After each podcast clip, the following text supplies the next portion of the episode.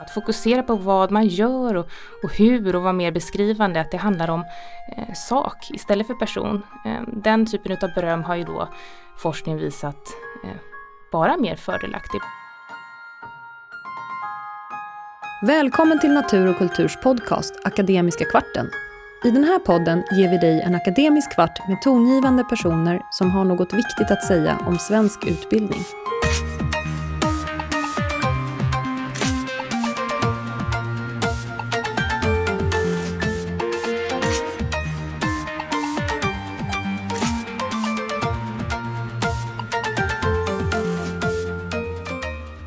Jag heter Niklas Gårdfeldt Livi och är utgivningschef för pedagogisk litteratur på Natur och kultur.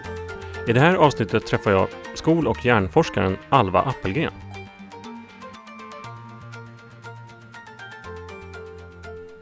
Idag sitter vi på Natur och kultur på Karlavägen och vi ska prata med Alva Appelgren som disputerade 2015 på Karolinska institutet med en avhandling om hur återkoppling och ett dynamiskt mindset påverkar motivation och prestation kopplat till hjärnforskning.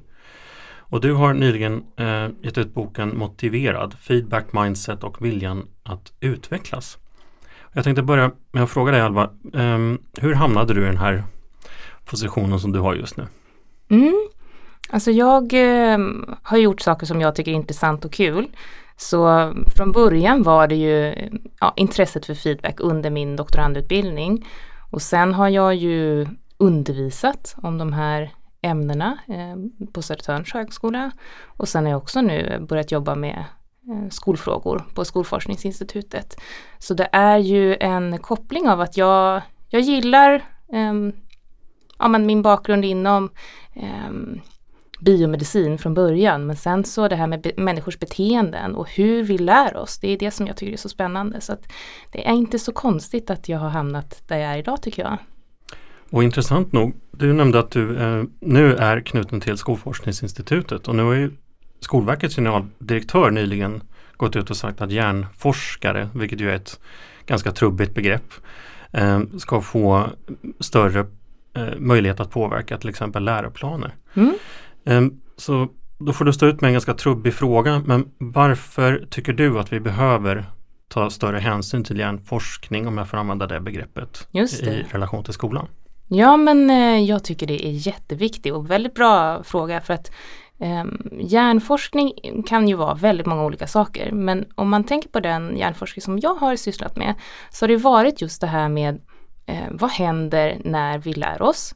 Hur eh, påverkas eh, vi av feedback när vi tar in det eh, och sen då ja, vad, vad är optimala förutsättningar för lärande egentligen och det eh, om man tänker på det från ett pedagogikperspektiv så är det ju självklart att det ska inkluderas. Hur, hur lär vi oss och vad händer egentligen? Eh, och sen då att vi också har med hjälp av hjärnforskning fått ytterligare en, ett sätt att mäta på. Eh, det är ju bara extra bra. Det är eh, ett sätt att eh, se hur det går till. Eh, forskning kring då lärande. Jag tycker eh, det borde vara självklart och jag är jätteglad att det, att det nu händer saker inom det här området. Mm. Om vi går tillbaka till din avhandling, kan inte du beskriva eh, lite grann eh, vad det var du skrev din avhandling om? Ja men eh, huvudämnet var ju då feedback och då, det är ju ett jättestort eh, ämnesområde, det här med återkoppling och, och då eh, handlade det om studier som ehm, ja, vi försökte ta reda på då. När störs vi av återkoppling? Vilken sorts återkoppling är bra eh, i relation till då bra eh, prestation men också bra för att vi ska vara motiverade att vilja Eh, jobba med det vi gör då, alltså uppgifterna och då var det eh, en av studierna som är med i avhandlingen handlade just om elevers eh, motivation och det var det mellanstadieelever vi tittade på och ehm, kopplat till då ehm, ja, men hur man ser på en uppgift. Så förväntningarna innan man börjar med någonting. Det är ju jättestort forskningsfält. Och det är då något som man kan studera också i hjärnan. Så det är en annan studie som var med i den avhandlingen handlar just om Eh, förväntan och kopplat till då olika sorters beröm. Så när man eh, då ger den här berömmen under tiden man gör en uppgift så händer det såklart saker med oss och då vill man ju veta vad händer och hur, eh, ja, vilket är bäst om det nu finns något sånt som är bäst sorts beröm eller finns det något som är ehm, ja, sänker vår koncentration och för mycket information kan vi inte ta in till exempel. Så att alla de här ämnena det finns jättemycket forskning inom det och min avhandling tar ju upp några utav de eh, delarna då med just det här med mindset. Det tar upp också eh, gritty, ett eh, känt begrepp nu men när jag gjorde min avhandling så var det mer, pratar man om ihärdighet och också men just att vara uthållig och vilja fortsätta med någonting, det är ju det det betyder. Ehm, så det undersökte vi också. Så det, det finns mycket där i avhandlingen att diskutera. Mm. Och vi, vi kan prata om både mindset och grit. Men om vi börjar med mindset eh, och kopplat till beröm. Mm. Så verkar det som att det finns eh, bättre sätt att ge beröm eh, och koppla det till mindset. Skulle du kunna förklara sambandet där? Mm, jo men eh, man kan ju dela upp beröm i olika typer eller feedback faktiskt generellt och då tänka, ger man beröm kring vad någon person har gjort eh, mer beskrivande. Vad var det som hände och hur gick det och så vidare. Eh, och det kallar jag för processberöm. Eh, sen finns det en annan sorts beröm då som handlar mer om vad man är för person. Vad, och det, ja, det kan vara till exempel att man är, som vi hade, är smart eller då att man är dum eller ja, beskrivningar av då eh, en person, personfeedback eller som jag skriver i min Eh, avhandling också, karaktärsfeedback också i, i boken som jag gett ut nu då. Så i, man kan skilja de här två sorterna åt, processberöm och karaktärsberöm och också då koppla det till, som du säger, mindset för att det här med att vara olika saker, att man tänker på förmågor som någonting som man har, inneboende egenskaper, det har man ju då kopplat ihop med att ha då ett statiskt mindset som Carol Dweck har beskrivit. Eh, och då hon fokuserade på intelligens men man kan se det som förmågor mm, i stort, alla möjliga typer av förmågor som vi har. Och sen då det andra, eh, processberöm, att fokusera på vad man gör och, och, hur och vara mer beskrivande, att det handlar om eh, sak istället för person. Eh, den typen av beröm har ju då forskningen visat eh, vara mer fördelaktig, både för att det är mer beskrivande men också att man inte då hamnar i det här statiska utan att det är eh, mer eh, ett sätt att ge beröm som är i linje med ett dynamiskt mindset. Och sen eh, kopplingen mellan mindset och feedback är ju svår, svårstuderad också. Man kan titta över tid som det finns studier som är, man har gjort då, och sen så vi tittade ju på vad händer i stunden som man får de två olika sorters beröm då kring, kring person och kring sak och att det faktiskt då skilde sig åt i de personer som vi testade.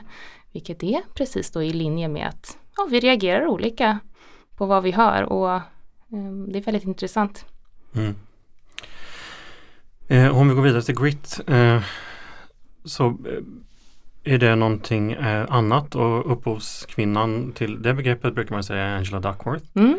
Eh, och kärt barn har många namn. I Finland så har man ju till och med ett begrepp för det som ungefär, som mm. även hon brukar ta upp, som är sisu. Just det. Eh, kan, ibland pratar man om jävlaranamma, mm. man kan mm. prata om ihärdighet. Idrottare brukar prata om att man har pannben. Mm. Eh, jag skulle koppla det till bland annat PISA där eleverna själva rapporterar att de, de upplever aggregerat att det finns problem med deras egen uthållighet och ihärdighet.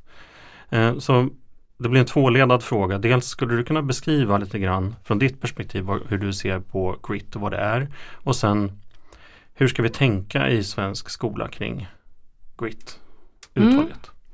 Alltså det är ju en väldigt stor eh, fråga för grit det är, innefattar ju flera saker. Precis som Angela Duckworth har beskrivit i sina studier så är det ju skalor där man mäter både den här eh, ihärdigheten och passionerade ansträngningen som jag brukar beskriva det som. Man mäter också eh, hur målmedveten en person är, att man håller sig till ett ämne över lång tid eller man har valt eh, inriktning kan man säga.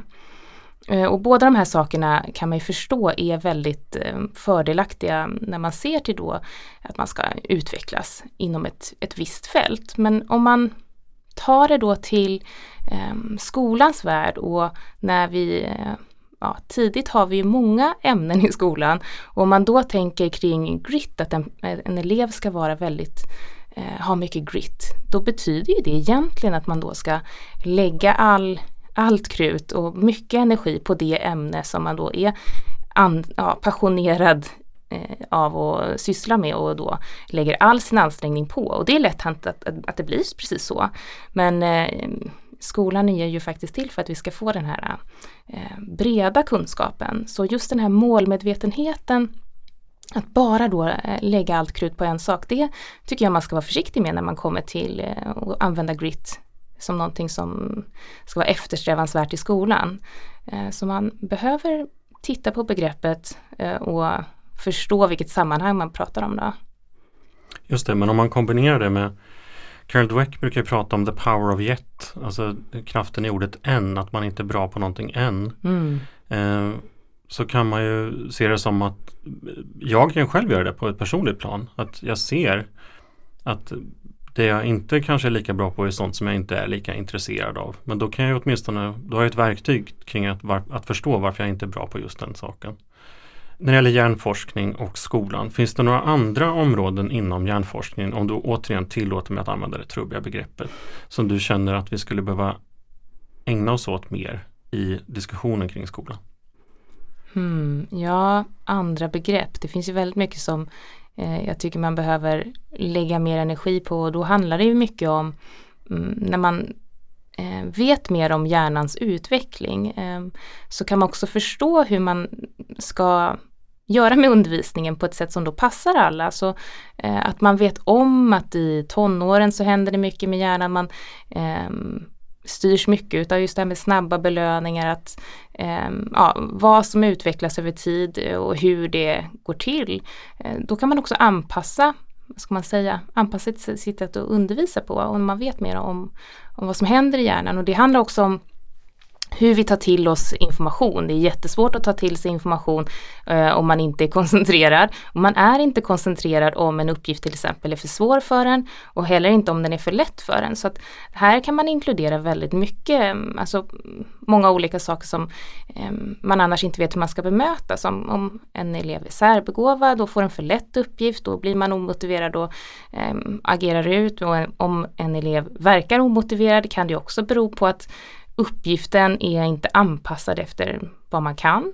Eh, och vi är olika så vi kommer ju lära oss olika fort och på olika vis och det ska finnas den här möjligheten till anpassning. Det är jättesvårt att vara lärare men det är också kul att hitta de sätten eh, som då man kan gå tillbaka till forskning och förstå varför är det så. Och eh, har man visat att eh, sån här chunking eller vad man ska säga att man eh, försöker förenkla för att man ska kunna ta till sig eh, ja, både med arbetsminne och information generellt så kan man då eh, hjälpa elever att eh, ta till sig den kunskap som vi lär ut. Och då blir det också roligare så att det inte känns så där övermäktigt som det kan vara ibland när man ett ämne bara slås på en och så nej, jag kommer inte klara det här. Så det handlar ju väldigt mycket om hur man eh, introducerar olika ämnen. Och att eh, jag tycker det är jätteviktigt det här som jag skriver om förväntan att en lärares förväntningar på eleverna det har jättestor betydelse. Om man känner att,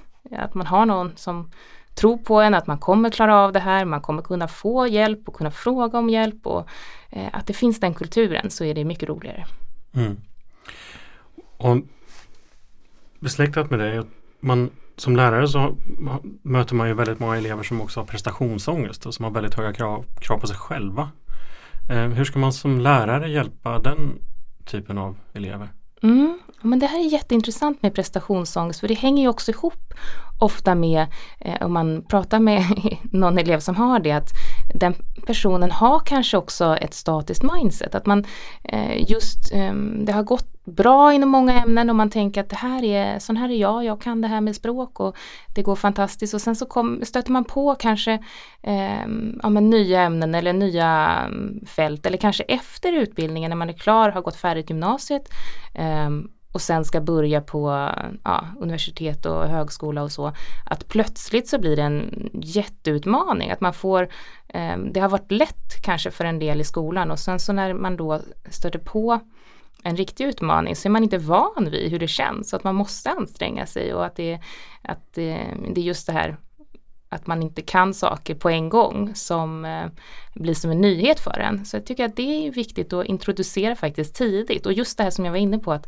anpassa uppgifterna så att det då blir svårt eh, oavsett om man eh, kan någonting väldigt lätt eller om det känns jättetungt så ska det vara lika mycket ansträngning för alla i ett klassrum. För då blir det heller inte det där, man, om man är jättekoncentrerad på någonting så hinner man nästan inte jämföra sig eh, med någon annan eller eh, presterar jag tillräckligt bra utan då är man så inne i det man håller på med.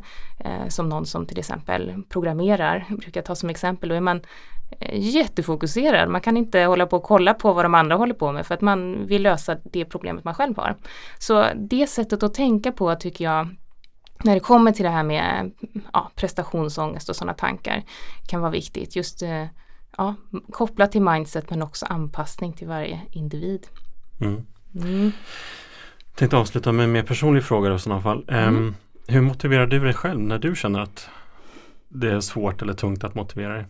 Ja men precis som med alla andra så det är saker som man inte gillar att göra som man inte är motiverad till att göra.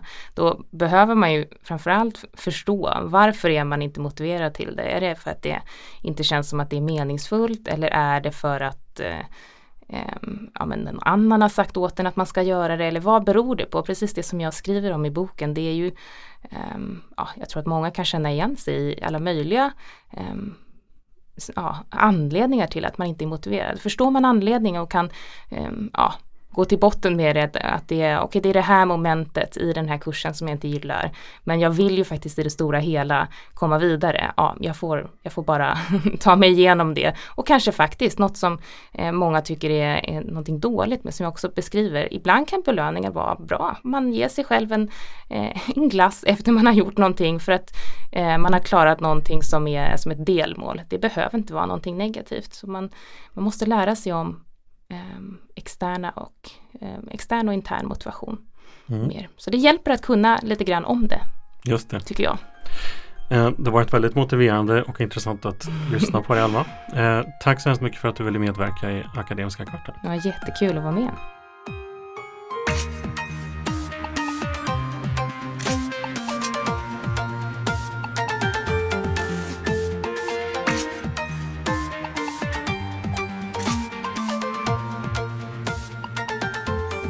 Förlaget Natur och kultur är en stiftelse som utan ägare kan agera självständigt och långsiktigt. Vårt mål är att genom stöd, inspiration, utbildning och bildning verka för tolerans, humanism och demokrati.